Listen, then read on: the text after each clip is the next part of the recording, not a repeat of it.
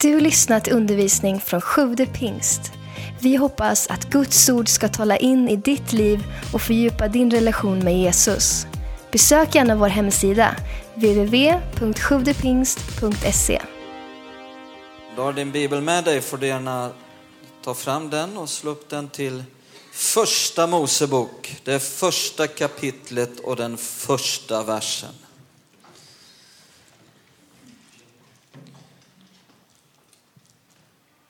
Det är en vers som många kan utan till. Innan vi läser så ber vi tillsammans. Fader Gud, vi tackar dig för dina ord. Tack att du är en Gud som talar. Tack att du är inte en Gud som är gjord av trä eller sten eller guld och har en mun som inte rör sig eller talar. Du har till och med befallt att vi ska höra dina ord. Tack att du vill vägleda oss och tack att din heligande är närvarande. I Jesu namn. Uppenbara ditt ord i våra hjärtan. Lys upp vårt inre. Åh, visa, visa oss vägen framåt. Låt dina ord skapa oss tryggheten, vilan, friden, glädjen. Åh, Herre, som bara skapar ett sånt fundament för våra liv. Åh, jag ber att, att du ska möta oss här idag. Vi lämnar över också resten av mötet till dig, heliga Ande. I Jesu namn. Amen. Då står det så här, i begynnelsen skapade Gud himmel och jord. På hebreiska ordet himmel är pluralord, så egentligen bättre att översätta. I begynnelsen skapade Gud himlar och jord. Under sommaren så har vi ju ett spännande tema som heter Jag undrar. Och vi har fått in uppemot 60 frågor. Eh, en del frågor har handlat om skapelsen. Och det har vi summerat i rubriken Jag undrar över skapelsen och Big Bang-teorin. Eh, och de saker jag ska ta idag, det kan man spendera ett helt liv med. Så det är en stor utmaning för mig att på något vis skapa någon form av tillfredsställande svar på mycket, mycket stora frågor. Den första frågan vi vill behandla är, är jorden bara 6000 år gammal? Eh, enligt Bibelns kronologi så levde ju Adam och Eva för 6000 år sedan. Eh, men är då jorden enbart 6000 år? Vetenskapen säger ju att jorden är betydligt äldre. Och det jag ska visa nu eh, är något som många bibellärare och apologeter världen över faktiskt eh, tror på, håller för att troligen vara sant. Och det är en mycket gammal jord men en ung skapelse. Gammal jord, ung skapelse. Och det jag ska visa nu, eh, det får du inte ta som en dogmatisk lära. Vi ska inte bygga en dogmatisk lära nu. Ehm, och ehm, eh, säga att det med bestämdhet är så. Men precis som i många rättsfall, när man ska bedöma någonting så talar man om indiciekedja, har du hört det? Ehm, där ingen enskild sak bevisar, men det finns tillräckligt många saker som eh, pekar på att det troligen är så. Eh, och det finns heller ingenting i Bibeln som motbevisar det vi nu ska titta på, utan troligen så, så är det, kan det vara på det här sättet. Eh, och det är att mellan vers 1 och vers 2 kan det finnas ett stort gap på väldigt många miljoner år. Vi läser första Mosebok 1 och 2.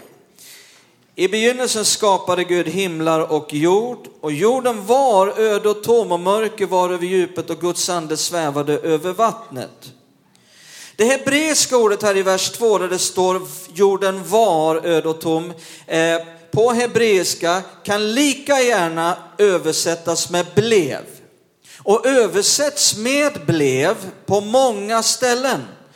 Eh, redan i kapitel 3 och vers 20 så står det Eva blev moder till allt levande. I kapitel 4 vers 20 står det Jabal blev stamfader, samma hebreiska ord. Tittar man sen på orden öde och tom så är det på hebreiska tohu vav bohu. Något liknande, jag är ingen hebreisk professor men ungefär. Eh, det är en fras som helt enkelt betyder kaotiskt tillstånd. Ett idiom, en fras. Så det är helt fullt korrekt att läsa de första två verserna på följande sätt. I begynnelsen skapade Gud himlar och jord. Och där kan det gå x antal miljoner år. Och sen jorden blev kaotiskt tillstånd och mörker var över djupet och Guds ande svävade över vattnet. Det vill säga vi har ett, ett scenario som liknar mycket det som var på Noas tid. När Gud dränkte och dömde jorden. Eh, så det är fullt möjligt att tänka sig att det fanns en skapelse innan Adam och Eva. En skapelse helt olik vår. En skapelse som gjorde uppror mot Gud och som Gud dömde och dränkte på ett liknande sätt som skedde på Noas tid. Vetenskapen pratar ju faktiskt om mer än en istid eller någonting mer än en gång en stor global katastrof. Eh, det verkar också som att i denna föradamitiska skapelse att Lucifer hade väldet över den skapelsen. Eh, men ledde den skapelsen i ett uppror mot Gud och föll. När sen Satan kommer i Edens lustgård till Adam och Eva, då har han redan fallit, eller hur? Det vet vi. Vad var han ute efter i Edens lustgård? Att hitta på hus? Han var ute efter någonting väldigt specifikt och det var väldet, makten över världen. Eh, rådandeskapet hade Gud gett till människan. Men människan valde att istället för att vara underordnad Gud, att underordna sig Satan. Och när människan gjorde det, då övergick rådandeskapet och väldet till djävulen. Och det säger djävulen till Jesus. När djävulen frestade Jesus så säger han, om du tillber mig, de blickade ut över alla riken i världen de blickar ut över hela världen och så säger djävulen, makten över allt du ser vill jag ge dig om du tillber mig. För åt mig har makten blivit överlämnad. Um, så vi ska titta här nu i, i Hesekiel 28. Som sagt var, vi hinner inte ta eh, det här riktigt på djupet, men, men, men jag ska bara försöka ge så mycket jag bara kan. Hesekiel 28, vers 11, 4, 11 till 14. Förlåt. Hesekiel 28, 11 till 14. Titta vad det står här. Uh, innan vi läser så låt mig säga att vi, vi, vi, har inte tid att gå in på allting som står här och alla versar, så jag har bara plockat ut några. Uh, men om man läser hela kapitlet här och också Bibelns eh, övriga undervisning om djävulen så blir det tydligt att det här handlade om Lucifers fall. Och hans tillstånd innan fallet och efter fallet. Och då läser vi från vers 11. Herrens ord kom till mig, han sa, du människoson, nej du människobarn, eh, stäm upp en klagosång över kungen i Tyrus och säg till honom, så säger Herren, Herren, du var en mönsterbild en, av fullkomlighet, full av visdom och fullkomlig i skönhet.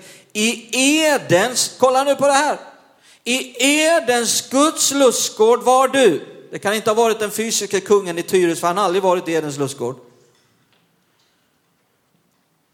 Där var du, höljd i alla slags ädelstenar, Karnol, topas, kalcedon, krysolit och nyx och jaspis, safir, karbunkel och smaragd. Med guld var dina tamburiner och flöjter utsmyckade, framställda den dag du skapades. Den fysiska kungen i Tyrus skapades inte, han föddes. Men, men vi jag har inte tid att, åh, jag är så frestad att gå in på allting här nu, hela kapitlet och alltihopa. Men, men, men vi går vidare. Eh, han skapar, du var en smord beskyddande kerub. Här är ingen människa. Det är en kerub. Vad är en kerub? Det är en änglavarelse. Och jag hade satt dig på Guds heliga berg. Där gick du omkring bland gnistrande stenar. Det enda vi vill se här nu, det är att Edens lustgård fanns innan Adam och Eva. Ser ni det? Det fanns innan Satans fall. Så summa summarum här, kort eh, summerat, är att eh, det, det talar för en skapelse på jorden som Lucifer rådde över. Kanske att det var just i den här skapelsen före Adam och Eva där dinosaurierna levde. Om de hade levt efter Adam och Eva innan Noa, då hade de varit med i arken. Men de var inte det. Kolla i Markus 6, lite grann om demoners ursprung. Vi hinner inte ta mycket här, men jag ska bara ge några. Eh, Markus 5, förlåt mig. Markus 5. Eh, det här eh, börjar man ana också när man studerar onda andar, orena andars ursprung. Var de kommer ifrån. Markus 6, nej 5. Markus 5, vers 6. Eh, titta nu, här står det. Eh, när han nu på långt håll fick se Jesus sprang han fram och föll ner för honom och skrek, vad har jag med dig att göra Jesus, den högste Gudens son? Jag besvär dig vid Gud, plåga mig inte. Jesus hade just befallt honom, far ut ur mannen, du orene ande. Nu frågade han honom, vad är ditt namn? Mannen svarade, mitt namn är Legion, för vi är många. Eller legion. Och han bad gång på gång att Jesus inte skulle driva bort dem från området. Där gick då en stor svinjord och betade vid berget. De orena andarna bad honom skicka iväg oss till svinen så att vi kan fara in i dem. Det tillät han och då for andarna ut ur mannen och in i svinen och jorden störtade sig ut för branten ner i sjön. Det var omkring 2000 svin som drunknade. Alltså första gången jag läste det som nyfrälst, jag bara, va? Och så jag, jag skrattade i tio minuter. Ja, det, går, mycket, det finns mycket här att studera i bara de här verserna. Men vad händer här? Jo, Jesus befriar en man från en mängd demoner som går under namnet legion. Legion var en, eh, i den romerska armén 6000 soldater. Dessa orena andar, de bad Jesus om att åtminstone få fara in i svinen. Det här säger någonting till oss.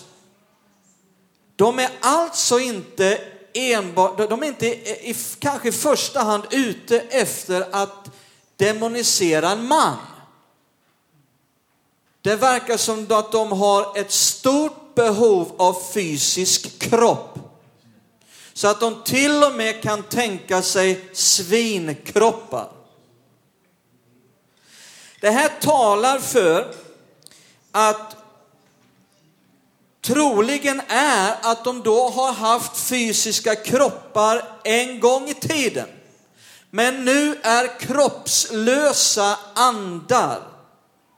Det talar för, om man studerar allting, att de skulle kunna ha varit med i denna föradamitiska skapelse var en del av det och deltog i upproret tillsammans med Lucifer mot Gud.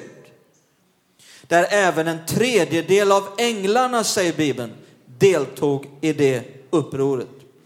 Vissa kristna människor har eh, fått blicka in i andevärlden genom syner, uppenbarelser som Gud ger och sett änglar, men har också sett orena andar. Och när de som har fått uppleva det återger vad de har sett så är det ganska liknande beskrivningar, att man beskriver en oren ande, man har fått en sån syn, som en, inte, inte en varelse som liknar en människa, liknar inte en apa, men är något slags mellanting, en hårig, intelligent varelse.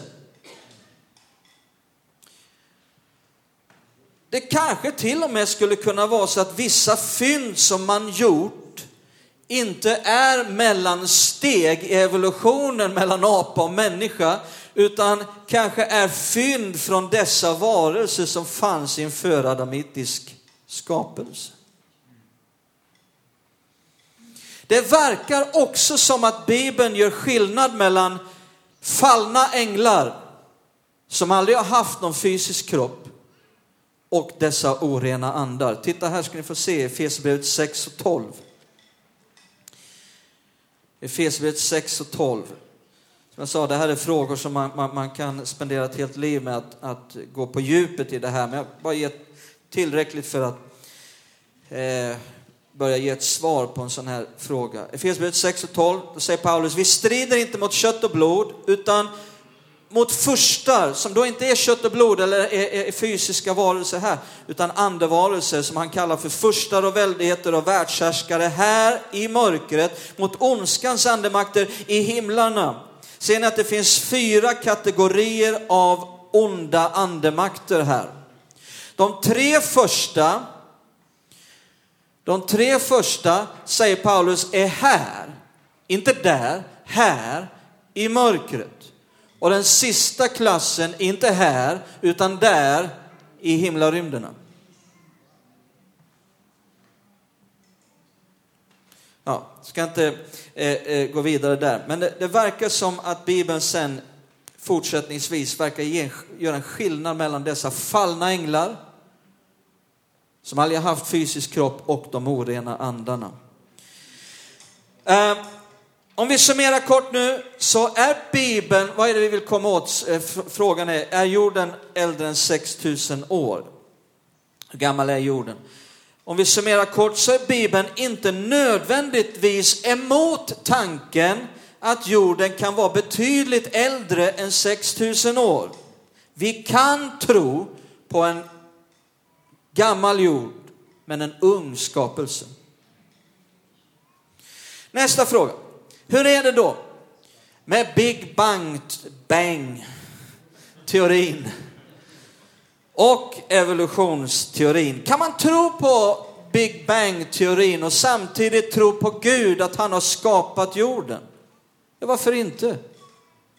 Bibeln säger inte hur Gud i begynnelsen skapade himlar och jord. Så där Bibeln tiger men vetenskapen talar, där kan vi lyssna på vetenskapen. Det är inte, det är, det är inte, du, du, begår inte ett helgerån. Liksom. Eller är vanhedran. Ut, men, men där vetenskapen tiger, men Bibeln talar, där lyssnar vi självklart på Bibeln.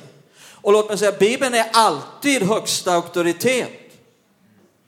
Skulle det stå här, jorden är 6000 år, ja då är det så. Det är alltid högsta auktoritet. Men det finns ingen motsatsförhållande mellan Bibel och vetenskap. Det motsatsförhållandet finns inte. Hur är det då med evolutionsteorin? Där vill jag ta lite mer tid. En gång då var jag inbjuden spännande inbjudan till ett gymnasium i Södertälje med 600 elever. Och min uppgift var att debattera med humanisternas ordförande Christer Sturmark om evolutionen och skapelsen. Det var väldigt intressant att det blev tydligt att jag hade nog 80-90 procent av de eleverna på min sida. Vilken respons! Det var, det, det var väldigt speciellt att få uppleva det. Um, och, men i skolorna så presenteras evolutionsteorin som fakta. Men min vän, det är och förblir en teori. Evolutionen har aldrig ägt rum. Det finns inga bevis för evolutionen. Där man har försökt att komma med bevis så har det blivit tydligt efter en närmare granskning att det håller inte speciellt bra.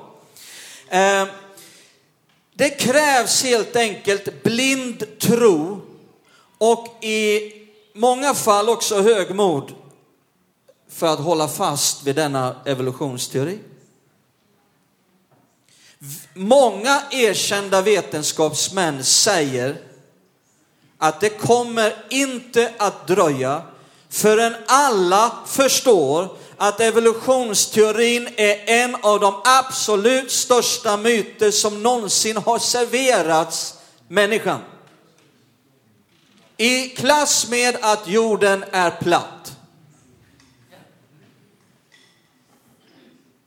Man retar gallfeber på sådana som Christer Sturmark när man säger det. Och en sak som han var trött på att höra mig prata om, det var fossiler. Alltså jag vet när min Christian han gick i tvåan och fröken där skulle pracka på dem att vi kom från aporna och han sa jag tror inte på det. Känner ni min Christian, han är envis. Och hon var alldeles knallröd i ansiktet och skrek, ja men det finns ju fossiler! Problemet är att det finns inga. Det är just det som är problemet. Jag, jag, jag kan inte ta en, eh, det är väldigt enkelt att bevisa att evolutionen inte har ägt rum. Jag, jag kan inte ta många, men jag ska ta en sak och det är just detta.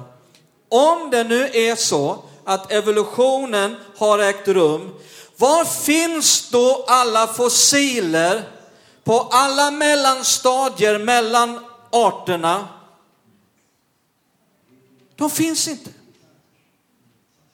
Det borde vara enorma mängder med fossiler på alla mellanstadier. Till och med Darwin himself sa, lyssna på detta, antalet mellanstadier som existerat på jorden måste vara enormt. Ja, det har han rätt i. Om det nu är så. Avsaknaden av fossil är kanske den största invändningen mot denna teori. Kanske han hoppades att det skulle gå hundra år efter hans levnad och de skulle börja hitta de här. Det har gått väldigt lång tid efter Darwin och man fortfarande inte hittat dem. Lyssna på det här. På jorden idag har man namngivit 1,8 miljoner arter. Det finns säkert fler arter, men man, man har lyckats, alltså Linné och de här, eller vilka det är nu som har gjort det här genom åren. Så bara namnge 1,8 miljoner arter. Det har man lyckats med idag. Eh, man har hittat, kolla in det här, över 100 miljoner fossiler. Så vilka är de här människorna som letar upp alla de här? 100 miljoner fossiler har man hittat. Som alla visar på 250 000 separata arter. Med stora gap emellan arterna. De här finns alla identifierade, katalogiserade i museum världen över. Det är intressant. Jag har varit och tittat på en del sådana här ställen, museum. Det finns, man har hittat över 10 000 alltså arter, insektsfossiler. Eh, över 30 000 fossiler eh, visar på spindelarter och lika många havsdjur. Ändå uteblir bevisen för evolutionen. Fast man har hundra miljoner fossiler att tillgå. Man kanske försöker, man, man, en del säger så här va, att ja, men det är sån liten chans att ett djur ska bli till en fossil. Ja, det är riktigt. Så det är därför det, är därför det inte finns så många. Ja, men i hela fridens namn. Om vi har över, om vi har hundra miljoner fossiler som alla pekar på 250 000 olika arter med gap emellan. Om vi har 100 miljoner sådana fossiler, då borde man rimligen ha hittat hundratals miljoner fossiler på alla mellanstadier. Är ni med? Det borde inte vara några problem att bilda många evolutionskedjor. För det är, det är så stort antal fossiler man har hittat. Men grejen är de finns inte. Lyssna min vän. Man letar inte efter en felande länk här. Har ni hört det någon gång? Vi har hittat den felande länken. Problemet är, det finns ingen felande länk. Det finns ingen kedja överhuvudtaget.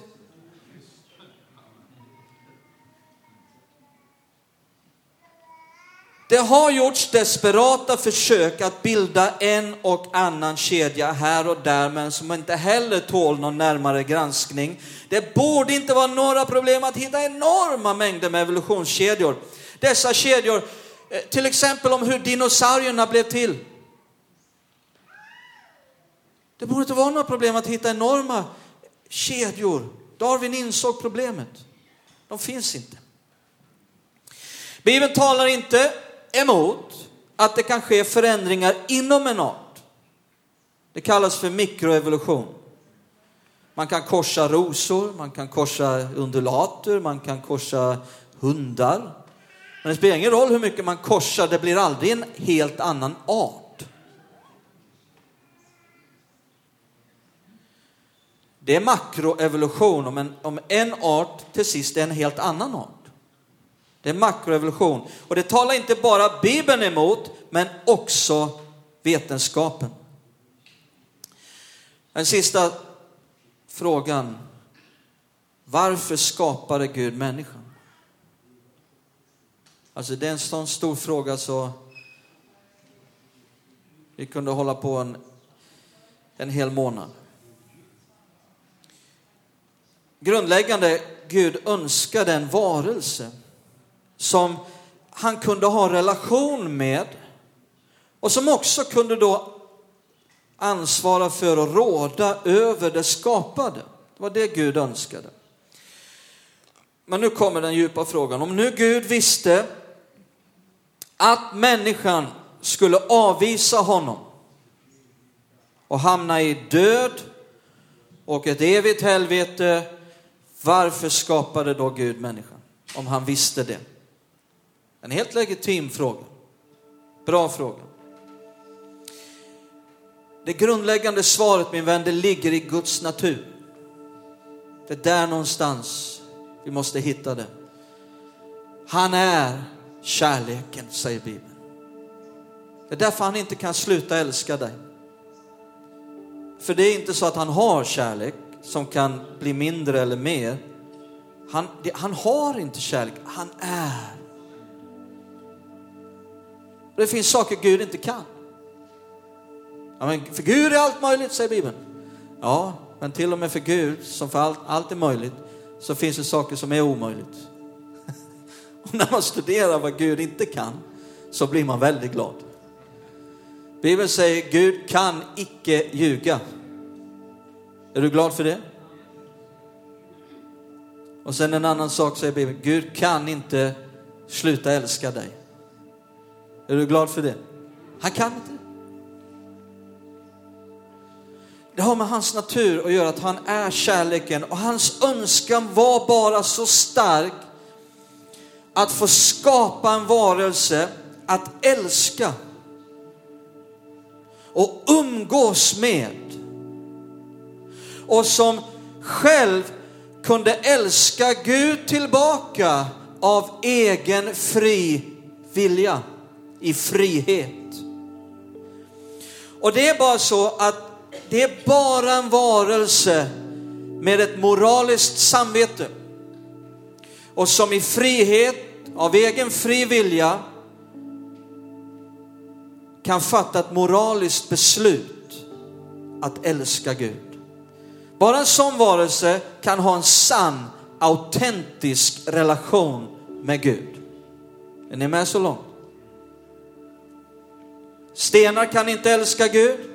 Inte heller ekorn som satt i granen. Olyckligtvis nu så går det inte att skapa detta utan att det finns också en möjlighet att då avvisa Gud, förkasta Gud. Och det är bara så, oavsett vad vi tycker om detta nu, så är det bara så att Gud bestämde att detta är en god skapelse. Det är värt priset. för att ge människor möjlighet att av egen fri vilja, i frihet, välja att älska honom. För vad är alternativet för Gud? Ja, det är ju att skapa en värld med bara robotar. Är det någon här som är glad att du inte var en robot? Jag är väldigt glad för det. Är man inte glad för det kan man bli glad för det. Här kommer en bild nu på detta. Den här kanske haltar något, men svaret på huvudfrågan finns här någonstans. Om vi bara frågar här, vad får mängder av föräldrar världen över att skaffa barn? Vad är det som får människor, föräldrar världen över att skaffa barn? Det är ju ofta, oftast för att vi, vi önskar, vi vill föra en människa till livet som utgår från oss själva, som vi kan få vårda, som vi kan få ta hand om, som vi kan få älska, som vi kan få ha en stark relation med. Men finns det en risk att det här barnet väljer att avvisa föräldrarna? Förkasta, vända ryggen till föräldrarna. Finns det en risk att det här barnet eh eh, eh, eh, kanske inte ens gör det, men, men hamnar i döden då? Hamnar i misär? Absolut finns det en sån risk. Så om barnet nu gör uppror, förkastar föräldrarna, vänder föräldrarna ryggen och hamnar i misär, är det då föräldrarnas fel? Hallå? Är det föräldrarnas fel? Ja, men de visste ju att det här kunde hända. De har ju skapat detta.